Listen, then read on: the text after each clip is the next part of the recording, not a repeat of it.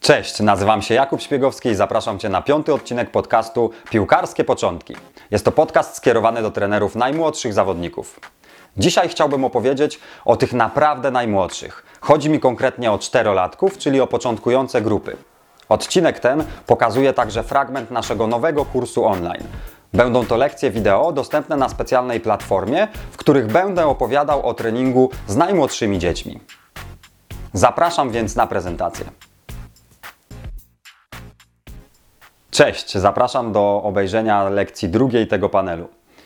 Będę mówił o czterolatkach, czyli o początkujących piłkarzach, którzy są na początku swojej sportowej drogi. Przede wszystkim musisz być przygotowany na to, że będzie to bardzo różnorodna grupa. Jedni zawodnicy będą już coś potrafili zrobić z piłką, będą po prostu zajarani, mówiąc kolokwialnie, i będą się starać jak, dać z siebie jak najwięcej podczas treningu. Inni natomiast przyjdą na trening i w ogóle nie będą mogli się na nim odnaleźć. Będą patrzeć po ścianach, zaczepiać kolegów i nie będą w ogóle zainteresowani piłką. Jeszcze inni będą bardzo nieśmiali i ciężko im się będzie w ogóle przełamać i wejść na boisko. Na to wszystko trener pracujący z czterolatkami musi być gotowy. Po prostu to jest ten wiek, gdzie dzieci są jeszcze bardzo, bardzo różne. Kolejną rzeczą, która tutaj wyróżnia tą grupę, jest niski poziom koncentracji. Dzieci czteroletnie tak naprawdę tą koncentra- koncentrację mają na bardzo, bardzo niskim poziomie. Trzeba szybko łapać ich uwagę, przekazywać krótkie i zwięzłe komunikaty i od razu przechodzić do działania. Nie ma co oczekiwać, że grupa będzie w ciszy i spokoju słuchała Twoich wywodów i długich opowieści na temat kolejnego zadania. Trze- Trzeba to robić szybko i konkretnie. Bardzo ważną rzeczą jest też ilość rozpraszaczy, która pojawia się na treningu. To jest takie rozważanie, czy lepiej zrobić z najmłodszymi zajęcia na hali, czy na boisku. Bo jeśli wejdziemy na halę, to teoretycznie mamy mniej rozpraszaczy. Nikt nie przejedzie obok na rowerze, nie przejeżdża samochód, nie przeleci ptak nad głowami i inne tego typu rzeczy, które tak naprawdę mogą rozproszyć dzieci. Z drugiej strony na hali też mamy różne rozpraszacze, ale moim zdaniem jest ich mniej i być może lepiej będzie z najmłodszymi wejść właśnie pod dach, niż zostać na otwartym boisku. Chociaż jeśli or- orlik jest gdzieś na uboczu, czy twoje boisko naturalne jest gdzieś na uboczu, gdzie nic wam nie przeszkadza, to wtedy oczywiście lepiej wejść na świeże powietrze. Musisz też pamiętać, że każde zadanie dla tych najmłodszych dzieci jest wyzwaniem ruchowym. One dopiero uczą się, poznają swoje ciało i łapią pierwsze podstawowe ruchy. Tak naprawdę wszystkie ich ruchy są bardzo chaotyczne. Dlatego musisz wykazać się dużą, dużą cierpliwością i uważać na zbyt trudne zadania. Tutaj liczy się naprawdę prostota. Ciężko będzie Ci też prowadzić zajęcia samemu. Przy takich maluchach co chwila będzie się coś działo. Trzeba będzie zawiązać buta, ktoś będzie chciał iść do toalety, być może wydarzy się jakieś zderzenie i to wszystko, to wszystko będzie Cię wytrącało z biegu treningu. Dlatego dobrze jest mieć tutaj asystenta, drugiego trenera lub nawet poprosić o pomoc rodziców. Wtedy Ty będziesz mógł skupić się na treningu i zająć się tym, co tak naprawdę trzeba. Pamiętaj też, że dzieci w tym wieku bardzo szybko się męczą.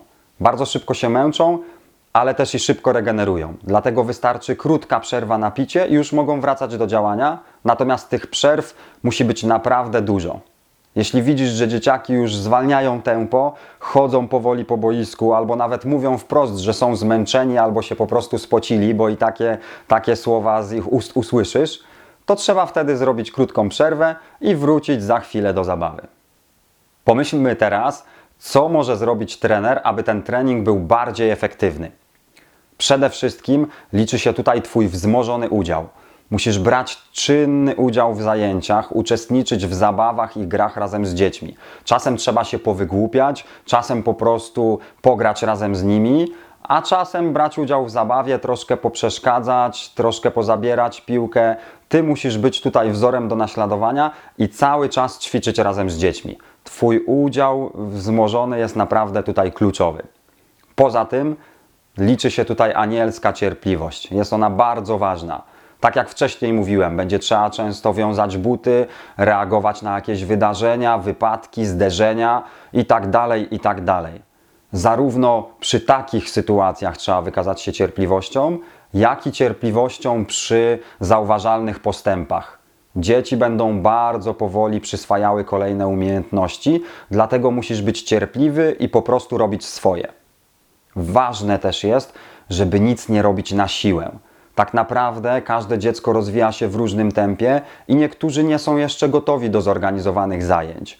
Często to rodzice chcą, żeby przychodzili na trening, żeby po prostu się poruszać i spędzić czas z przyjaciółmi, z kolegami, albo być może nawet nie chodzą do przedszkola i tych znajomych im brakuje, więc poprzez trening chcą też po prostu trochę nauczyć ich obcowania z innymi ludźmi. Dlatego nic nie rób na siłę. Niech to idzie swoim tempem, powoli i lepiej robić to powoli niż zniechęcić dzieci do sportu. Bo tutaj naszą ważną rolą jest zaszczepienie pasji wśród tych najmłodszych zawodników. Trening ma przynosić po prostu radość. Jeśli będzie przynosił radość, jeśli będzie satysfakcja na treningu, to dzieci będą chciały na nie przychodzić i załapią tego tak zwanego bakcyla, zaczną regularnie trenować i później przyjdzie czas na odpowiedni, stopniowy, harmonijny rozwój zawodników. Co powinieneś uwzględnić na etapie planowania? Jak zaplanować zajęcia z czterolatkami, żeby były one naprawdę wysokiej jakości? Przede wszystkim pamiętaj, że liczy się tutaj ogólny rozwój. Musisz kłaść duży nacisk na sprawność ogólną. Najpierw niech nauczą się po prostu poruszać po boisku, biegać, skakać, czasem trochę może poprzepychać, a później dopiero przechodźmy do trudniejszych rzeczy.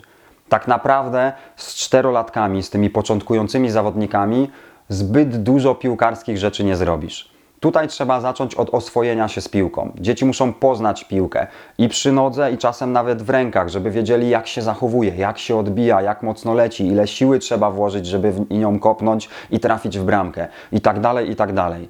To będą podstawowe, najprostsze zadania, aby dzieci poznały tą piłkę, żeby się z nią oswoiły. I tutaj też może chodzić o czucie piłki, i pierwszym elementem takim edukacji piłkarskiej jest prowadzenie piłki. Tego prowadzenia musi być bardzo, bardzo dużo, chociaż na razie w, w całkowicie swobodnej formie. Dzieci muszą to robić tak, jak im jest wygodnie, najzwyczajniej w świecie. Kolejna rzecz to, to fakt, że powinieneś się skupić przede wszystkim na zabawach. Jasne, są różne szkoły i na pewno słyszałeś też takie podpowiedzi, że dzieci przychodzą na trening nie się bawić, tylko trenować, grać w piłkę. Ale pamiętaj, że mówimy tutaj o czterolatkach, o początkujących dzieciach, dla których zabawy są efektywną formą nauki, najzwyczajniej w świecie. Stosując zabawy, zadbasz po prostu o ich wysokie zaangażowanie i przykładanie się do treningu. Pamiętaj to, o czym mówiłem na samym początku. Jest to grupa bardzo różnorodna. Tutaj nie ma selekcji, to nie jest grupa zaawansowana. Prawdopodobnie nie pracujesz w jakiejś najlepszej akademii w swoim rejonie. Więc trzeba sobie poradzić z różnymi zawodnikami. Poprzez zabawy jesteś w stanie zainteresować piłką naprawdę każdego zawodnika.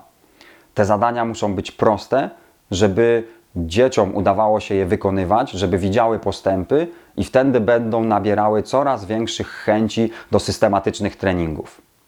Pamiętaj, że mają naprawdę małe umiejętności i z piłką nie potrafią zrobić zbyt wiele. Kolejną rzeczą są małe gry. W tym wieku tak naprawdę uważam, że 2 na 2 to jest optymalna gra. Maksymalnie powinniśmy grać 3 na 3. Dlaczego? Bo jeśli grasz 2 na 2 lub 3 na 3, to praktycznie każde dziecko bierze cały czas udział w grze. Nie ma przestojów. Jeśli byś zrobił już grę nawet 4 na 4, to może zdarzyć się tak, że na boisku, gdy masz 8 zawodników, że na boisku wtedy tak naprawdę gra dwóch, trzech, a czterech, pięciu stoi gdzieś z boku, rozmawia, rozprasza się, bo piłka jest za daleko od nich po prostu. Dlatego stosując grę 2 na 2 Dzieci praktycznie cały czas są w akcji, cały czas muszą patrzeć na to, co się dzieje dookoła. Kolejną rzeczą przy tych małych grach jest fakt, że wtedy mamy dużo kontaktów z piłką. Nawet jeśli któreś dziecko jeszcze powoli łapie, nie potrafi zbytnio grać w piłkę nożną, stawia pierwsze kroki, to ta piłka będzie cały czas w pobliżu. Będzie musiał jej dotykać, będzie musiał ją kopnąć, będzie musiał do niej podbiec. Także tutaj będzie naprawdę dużo kontaktów z piłką, a tak naprawdę to zwiększa efektywność treningu. Pamiętaj też, by gry te były całkowicie swobodne. Przy cztero, nawet pięciolatkach to nie jest jeszcze czas na tłumaczenie jakichś rozbudowanych zagadnień czy nawet podstawowych zasad działania grupowego. Tutaj chodzi przede wszystkim o swobodę, radość, grę i dużą ilość bramek. Dajmy im grać, niech cieszą się tą grą i niech zdobywają jak najwięcej goli.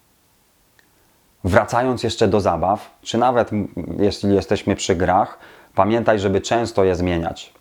Jeśli coś będzie trwało bardzo, bardzo długo, to, dzieci, to ta mm, intensywność treningu też będzie spadać. Dzieci po prostu zaczną się troszeczkę nużyć. One potrzebują co chwila nowych bodźców, co chwila jakiegoś wyzwania, dołożenia kolejnego etapu w grze czy w zabawie, żeby ta, cały czas ta intensywność była wysoka. Tutaj przy zabawach też spory są różne, jeśli chodzi o opowieść ruchową. Czy ją stosować, czy nie stosować? Czy ma się pojawić na treningu, czy jednak nie, bo przecież gramy w piłkę nożną? Powiem Ci z mojego doświadczenia. Jeśli ta opowieść ruchowa jest naprawdę niewielka, jakaś podstawowa, weźmy za przykład zabawę samochody, gdzie mamy czerwone, żółte i zielone światło. Tak naprawdę jest to opowieść ruchowa, bardzo prosta, bez zbędnego gadania, ale już angażuje dzieci bardziej w trening. Osobiście nie potrafię i nie używam jakichś rozbudowanych opowieści ruchowych. Tak naprawdę na samym początku drogi trenerskiej miałem z tym spory problem. Dopiero później poszło mi łatwiej, gdy już zostałem tatą. Teraz, gdy mam dwójkę swoich dzieci, łatwiej mi jest łapać kontakt z tymi najmłodszymi zawodnikami, bo wiem, jak wygląda ich życie na co dzień. Natomiast nadal nie potrafię stosować jakichś wielkich, rozbudowanych opowieści ruchowych i też uważam, że ubieranie całego konspektu w jedną opowieść ruchową, typu rycerze czy typu kosmos, jest troszkę stratą czasu. Dlaczego? Bo jedną zabawę, która pojawi się co kilka treningów, będę musiał tłumaczyć innymi słowami.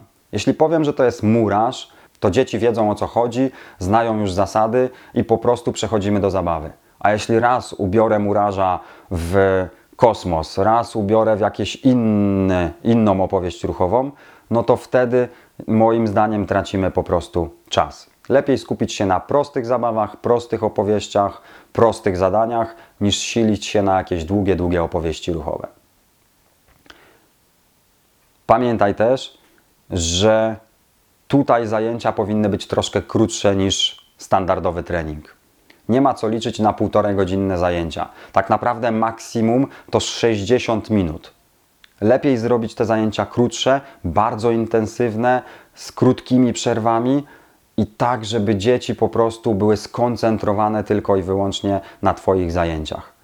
Jeśli je przedłużymy, to na pewno zauważysz spadek efektywności, bo ta koncentracja będzie uciekać, dzieci już będą myślami gdzieś indziej.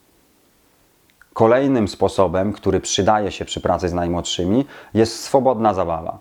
Zazwyczaj przed treningiem. Dobrze jest dać się dzieciom wyszumieć, wybiegać, dać im piłki, niech sobie postrzelają, poszaleją. Dzięki temu będziesz miał za chwilę ciut lepszą koncentrację podczas zbiórki i pierwszych zajęć, pierwszych zadań na treningu. Swobodną zabawę można też stosować jako przerywnik. Jeśli widzisz, że gdzieś trening się rozmywa, dzieciaki ci uciekają, to wtedy zbierz je do siebie, zrób swobodną zabawę, daj im minutę, dwie nawet na szaleństwo. Niech znowu postrzelają, pobiegają z piłkami, pobawią się z kolegami, robią co chcą i wtedy znowu możesz przejść do następnego zadania i trening będzie naprawdę efektywny. Podsumowując, nie ma tutaj tak naprawdę jednej złotej drogi do sukcesu. Te zajęcia mogą się bardzo różnić od siebie. Tak jak mówiłem na początku, sama grupa jest różnorodna i ty jako trener musisz wiedzieć, jak się do tego dostosować. Mogłoby się wydawać, że te zajęcia powinny być najłatwiejsze do przeprowadzenia. No bo to dopiero czterolatki, początkujące dzieci, podstawowych umiejętności musimy ich nauczyć, łatwizna. Ale tak naprawdę, gdy wchodzi się na boisko, to życie to weryfikuje. Trzeba naprawdę wiedzieć, co z nimi robić, trzeba wiedzieć, jak z nimi pracować i trzeba tutaj wykazać się anielską cierpliwością i odpowiednim podejściem do treningu. Zachęcam Cię do odwiedzenia naszej grupy na Facebooku, gdzie możemy na ten temat dłużej podyskutować. Odpowiemy sobie na pytania, albo Ty podzielisz się swoimi doświadczeniami, czy wolisz wchodzić z maluchami na halę, czy wyjść na boisko otwarte. Możemy też porozmawiać o tym, czy stosujesz opowieść ruchową, czy jednak z niej zrezygnowałeś.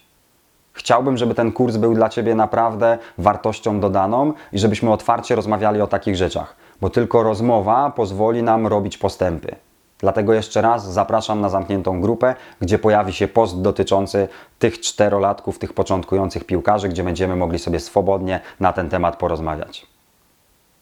To już koniec tej lekcji. Zapraszam Cię do kolejnego wideo. I tak właśnie wyglądają lekcje w naszym kursie online. Jeśli chciałbyś się dowiedzieć czegoś więcej na temat całego kursu, to zapraszam na naszą stronę. Link znajdziesz pod tym wideo. To już wszystko w tym odcinku podcastu Piłkarskie Początki. Mam nadzieję, że moje wskazówki przydadzą Ci się w codziennej pracy, a tymczasem zachęcam do polubienia i udostępniania tego wideo. Do zobaczenia w kolejnym odcinku.